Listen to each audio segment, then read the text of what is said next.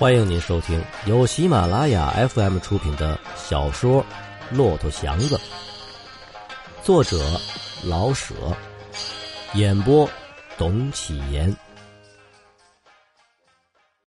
事情果然办得很快，虎妞在毛家湾一个大杂院里租到两间小北房，马上找了裱糊匠糊的四白落地，求冯先生给写了几个喜字儿贴在屋中。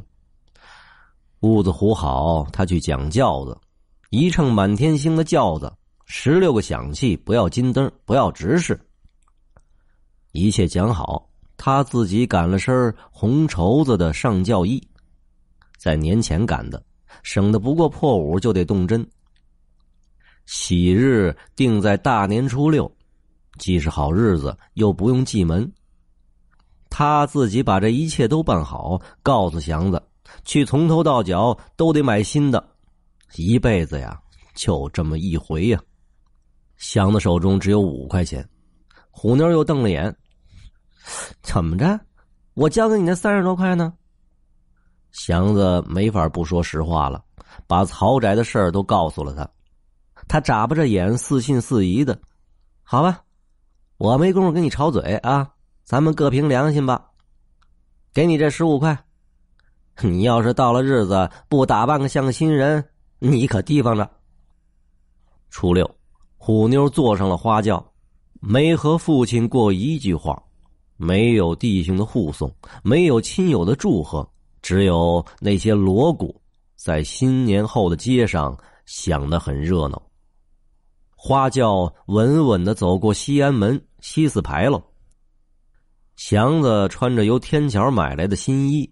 红着脸，戴着三毛钱一顶的缎小帽。他仿佛忘了自己，而傻傻乎乎的看着一切，听着一切，连自己好似也不认识了。他由一个煤铺迁入裱糊的雪白的新房，不知道是怎么回事以前的事儿，正如煤铺里一堆堆都是黑的，现在茫然的进到新房。白的闪眼，还贴着几个血红的喜字。他觉到一种嘲弄，一种白的渺茫的闷气。屋里摆着虎妞原有的桌椅和床，火炉与菜案子却是新的。屋角里插着把五色鸡毛的掸子。他认识那些桌椅，可是对火炉、菜案与鸡毛掸子又觉得生疏。新旧的器物合在一处，使他想起过去，又担心将来，一切任人摆布。他自己既像个旧的，又像个新的，一个什么摆设，什么奇怪的东西，他不认识了自己。他不想哭，也想不起笑。大手大脚在这小而暖的屋中活动着，像小木笼里一只大兔子，眼睛红红的看着外面，看着里面，空有能飞跑的腿，却跑不出去。虎妞穿着红袄，脸上抹着白粉与胭脂，眼睛溜着他。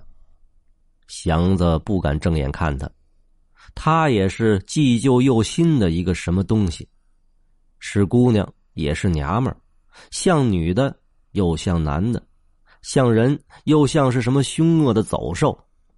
这个走兽穿着红袄，已经捉到了他，还预备着细细的收拾他。谁都能收拾他。这个走兽特别的厉害，要一刻不离的守着他，向他瞪眼，向他发笑，而且能紧紧的抱住他，把他所有的力量。西进，祥子没法逃脱。他摘了那顶缎小帽，呆呆的看着帽子上的红结子，直到看得眼花。一转眼，墙上全是一颗颗的红点儿，飞旋着，跳动着。中间有一块更大的红的，脸上发着丑笑的虎妞。结婚的当天夜里，祥子才明白，虎妞并没有怀孕。像变戏法似的，他解释给他听：“ 要不冤枉你一下，你怎么会死心塌地的点头呢？我呀，在裤腰上塞了个枕头。他笑到流出泪了。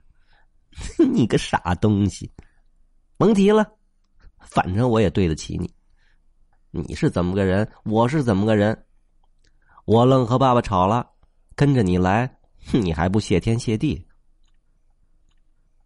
第二天，祥子很早就出去了，多数的铺户已经开了市，可是也有些家关着门，门上的春联依然红艳，黄的挂钱却又被风吹碎了的。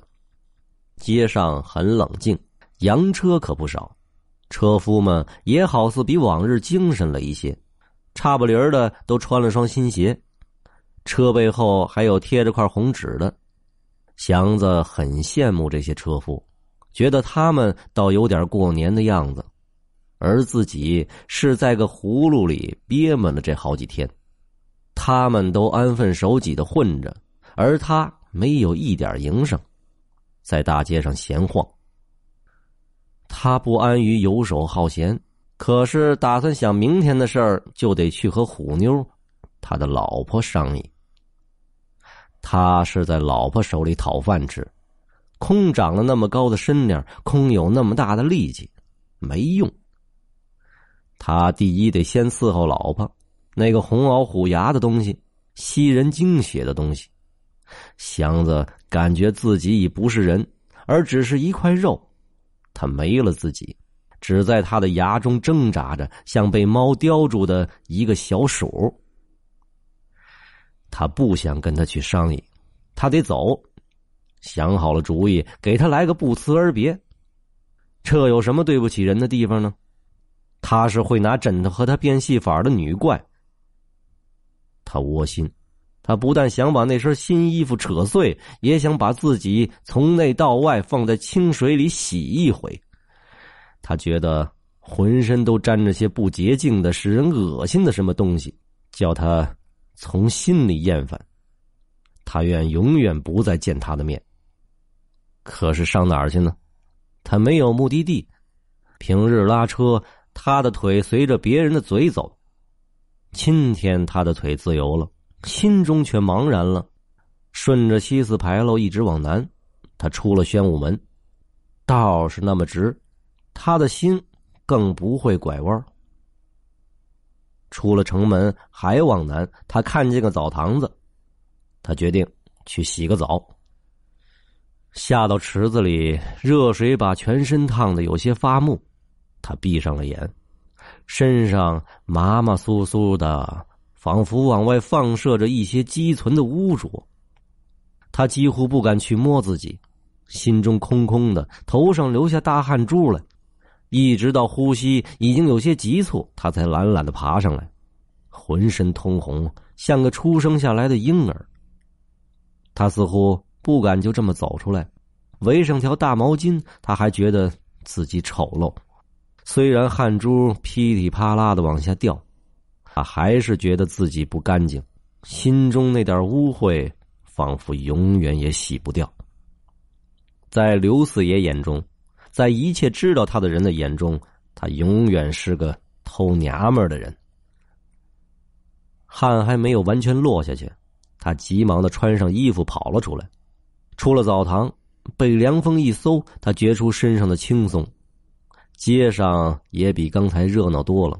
响晴的天空给人人脸上一些光华，祥子的心还是揪着，不知上哪儿去好。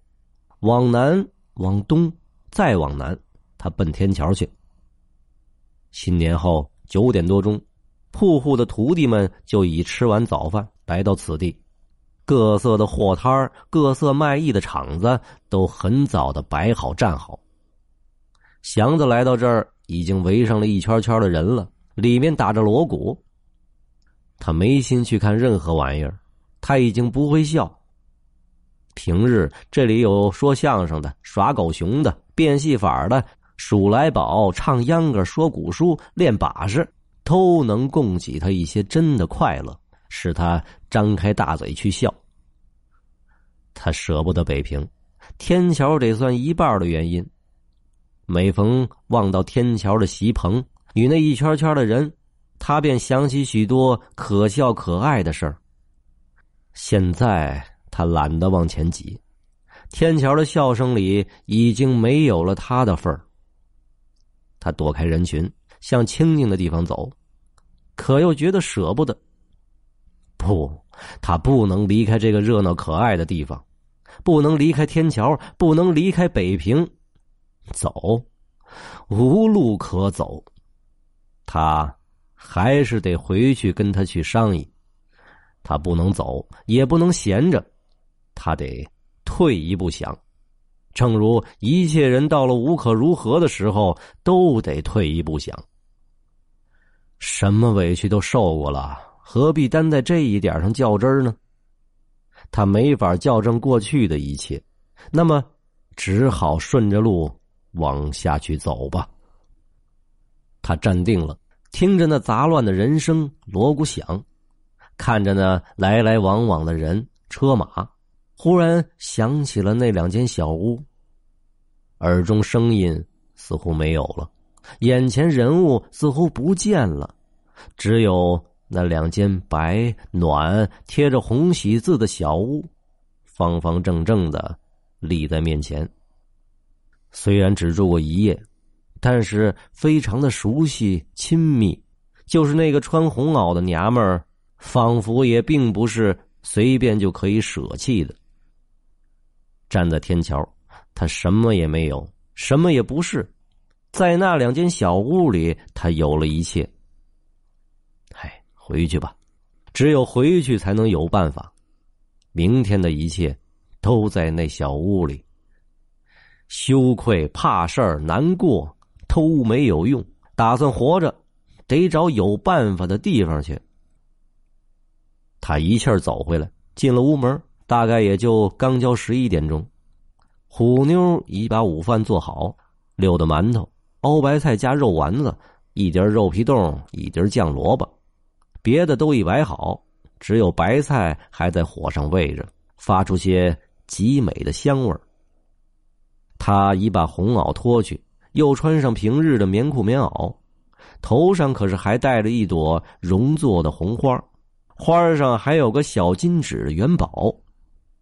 祥子看了他一眼，他不像个心腹，他的一举一动都像个多年的媳妇儿，麻利老道，还带着点儿自得的劲儿。虽然不像心腹，可是到底使他觉出一点新的什么来。他做饭、收拾屋子，屋子里那点香味、暖气，都是他所未曾经验过的。不管他怎样，祥子觉得自己是有个家了。一个家总有它的可爱之处。上哪儿了你？虎妞一边去盛白菜一边问：“嗯，洗澡去了。”他把长袍脱下来。哼，以后出去言语一声啊，别这么大大咧咧的甩手一走。祥子没言语。会哼一声不会啊？不会，我教给你。嘿，没法子。祥子哼了一声，他知道娶来一位母夜叉，可是这个夜叉会做饭，会收拾屋子，会骂他，也会帮助他，叫他怎样也不是味儿。他吃开了馒头，饭是的确是比平日的可口热乎，可是吃着不香。嘴里嚼着，心里觉不出平日狼吞虎咽的那种痛快，他吃不出汗来。吃完饭，他躺在了炕上，手枕着手心，眼看着顶棚。哎，出来帮着刷家伙！嘿，我可不是谁的使唤丫头。他在外屋叫着，很懒的祥子站了起来，看了他一眼，走过去帮忙。祥子平日非常的勤谨，现在憋着口气来做事儿。在车厂子的时候，他常常帮他的忙，现在是越看他越讨厌。他永远没恨人像恨他这么厉害。他说不上是为了什么，有气，可是不肯发作，全圈在心里，既不能和他一刀两断，吵架也没意思。在小屋里转悠着，他感到整个的生命是一部委屈。收拾完东西，虎妞四下里扫了一眼，叹了口气，紧跟着笑了笑：“怎么样啊？”“什么？”祥子蹲在炉旁烤着手，手并不冷，因为没地方安放，只好烤一烤。这两间小屋里的确像个家，可是他不知道往哪里放手放脚好了。嘿，带我出去玩玩吧，上白云观。不行，晚点了。要不街上溜了去？虎妞要充分的享受新婚的快乐，虽然结婚不成个样子，可是这么无拘无束的倒也好，正好和丈夫多在一块儿，痛痛快快的玩几天。在娘家，她不缺吃，不缺穿，不缺零钱，只是没有个知心的男子。现在，他要捞回来这点缺陷，要大摇大摆的在街上、在庙会上同着祥子去玩。祥子不肯去，第一，他觉得满世界带着老婆逛是件可羞的事儿；第二，他以为这么来的一个老婆，只可以藏在家中。这不是什么体面的事儿，越少在大家面前显摆越好。还有一出去哪能不遇上熟人呢？西半城的洋车夫们谁不晓得虎妞和祥子？他不能去招大家在他背后嘀嘀咕咕。咱们商量商量好不好？祥子还是蹲在那里，有什么可商量的？虎妞凑过来站在炉子旁边。祥子把手拿下去，放在膝上，呆呆的看着火苗，愣了好久，说出来一句：“我不能就这么闲着。”嘿，受苦的命。他笑了一声：“一天不拉车，身上就痒痒，是不是？你瞧人老头子，人家玩了一辈子，到老了还开个车厂子，他也不拉车，也不卖力气，人家。”凭心路吃饭，你呀也得学着点拉一辈子车又算老几？咱们呀先玩几天再说。事情也不单忙在这几天上，奔什么命啊？我告诉你啊，这两天我可不打算跟你拌嘴，你也别成心气我。先商量商量，祥子决定不让步。既不能跺脚一走，就得想办法做事儿，先必得占一头，不能打秋千似的来回晃悠。得，你说说吧。虎妞搬个凳子坐在火炉旁，祥子问：“你有多少钱？